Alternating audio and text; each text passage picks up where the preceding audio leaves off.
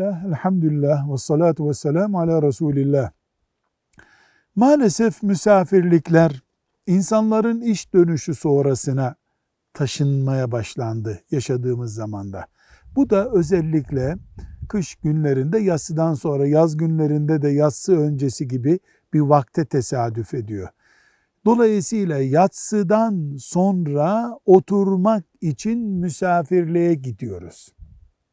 Yatsıdan sonrasını yatmak sünnet olan uygulamadır.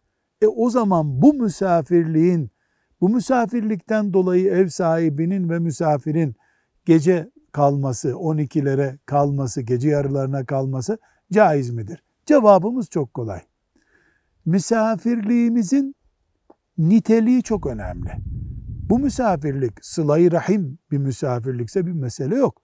Misafirlikte haram işleniyorsa e, zaten misafirliğin kendisi haram, oturması da haram ve asıl püf noktamız sabah namazı etkileniyor mu?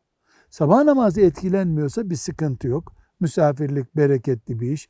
Oturmakta o zaman mubah demek. Velhamdülillahi Rabbil Alemin.